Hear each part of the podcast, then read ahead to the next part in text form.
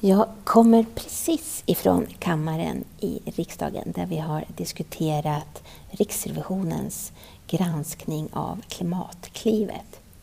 Och Klimatklivet är den enskilt största och bredaste eh, statliga satsning eh, som finns för aktörer att söka stöd för att kunna genomföra klimatåtgärder av olika karaktär. Det är därmed en mycket stark drivkraft för omställning i hela landet för att kunna nå regionala och nationella klimat och energistrategier. Och det är en åtgärd som leder till kraftsamling.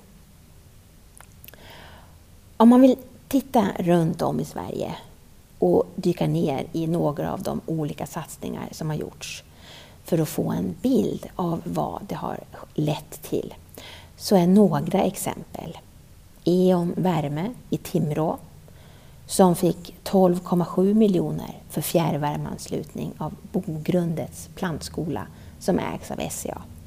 Det är världens största plantskola och har kapacitet att odla cirka 85 miljoner plantor per år. Det är också Edsele intresseförening i Sollefteå som fick 505 000 för att byta ut sin oljepanna. Från det stora till det lilla, men så betydelsefullt. På Gotland investerar man i Biogas Gotland. Man gör en energikonvertering på slakteriet och flera företag inom besöksnäringen satsar på såväl laddstationer för elbilar som byte av oljepannor. I Uppsala har viktiga investeringar gjorts i kapacitetsökning av biogasanläggningen, ny gastankstation, utbyggnad av laddstationer, ledningsnät för närvärme, utfasning av olja och projektet Jakten på plasten. I Östervåla har Zetterbergs, som är ett företag som tillverkar lastbilspåbyggnader, fått stöd för att minska energiförbrukningen och för att fasa ut oljeanvändningen. Och i Västerbotten har man bland annat investerat i konvertering från eldningsolja till bioolja, produktion och distribution av uppgraderad biogas, en mängd laddstationer och en tankstation för biodrivmedel. Och det är just det här som har varit så bra med Klimatklivet. Det det har gjort för sammanhållningen i landet och för att det leder till incitament för en omställning i hela landet. Det finns också saker som inte fungerat bra och det är viktigt att det ska antingen vässas eller ändras. Mätbarheten ska öka och det är viktigt med utvärdering. Och det här är också någonting som står tydligt i både januariavtalet och budgetpropositionen som nyligen lades fram från regeringen.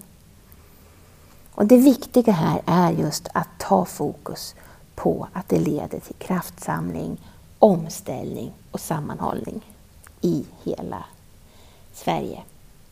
För Sverige ska bli världens första fossilfria välfärdsnation. Enligt det klimatpolitiska ramverket, som vi har en stor politisk enighet kring, ska Sverige senast år 2045 inte ha några nettoutsläpp av växthusgaser till atmosfären för att därefter uppnå negativa utsläpp. Och för att lyckas med det så måste kostnadseffektiva investeringar göras i olika typer av lösningar som kan leda till kraftfulla utsläppsminskningar i alla samhällssektorer. Vi behöver alltså fler verktyg för att klara av omställningen, inte färre. Och vi behöver sänka utsläppen i Sverige, inte bara säga att det ska ske någon annanstans. Och Klimatklivet har varit och är en av våra viktigaste åtgärder för att minska utsläppen av växthusgaser. När Riksrevisionen har utvärderat Klimatklivet så är deras övergripande slutsats att Klimatklivet i stora delar har genomförts på ett effektivt sätt, men att stödet inte är tillräckligt kostnadseffektivt. De ser förbättringsmöjligheter vad gäller genomförande, utformning och rapportering av stödet.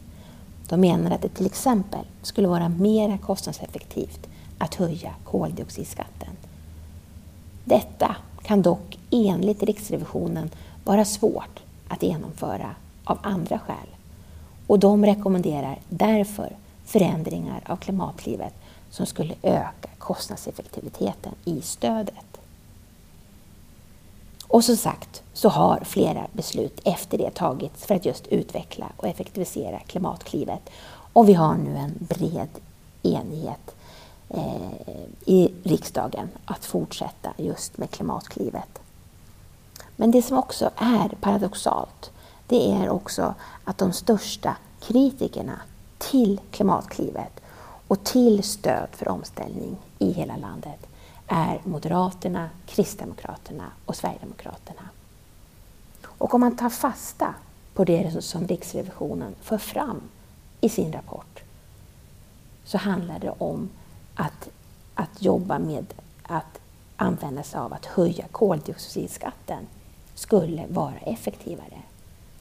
Men det just de partierna också gör är ju att både ta bort verktyget Klimatklivet men också sänker koldioxidskatten oerhört mycket. Vilket förstås inte alls går ihop med klimatlagen och klimatpolitiska ramverket och hur vi ska, måste arbeta för att nå våra klimatmål. Utan helt åt fel riktning. Det är mycket snack men ingen verkstad. Utan det vi behöver göra, det är att utveckla och förändra det som har varit mindre bra, men att utveckla satsningen på Klimatklivet. Då kan vi fortsätta bygga ut en laddinfrastruktur i hela landet, vilket är en förutsättning för, för elektrifieringen av fordonsparken. Då kan vi fortsätta stödja våra kommuner och våra regioner i deras omställning till fossilfrihet. Och då kan vi fortsätta stödja svensk industri som runt om i Sverige arbetar med innovativa lösningar och tekniksprång för att minska utsläppen. Det är så vi ställer om och når klimatmålen tillsammans.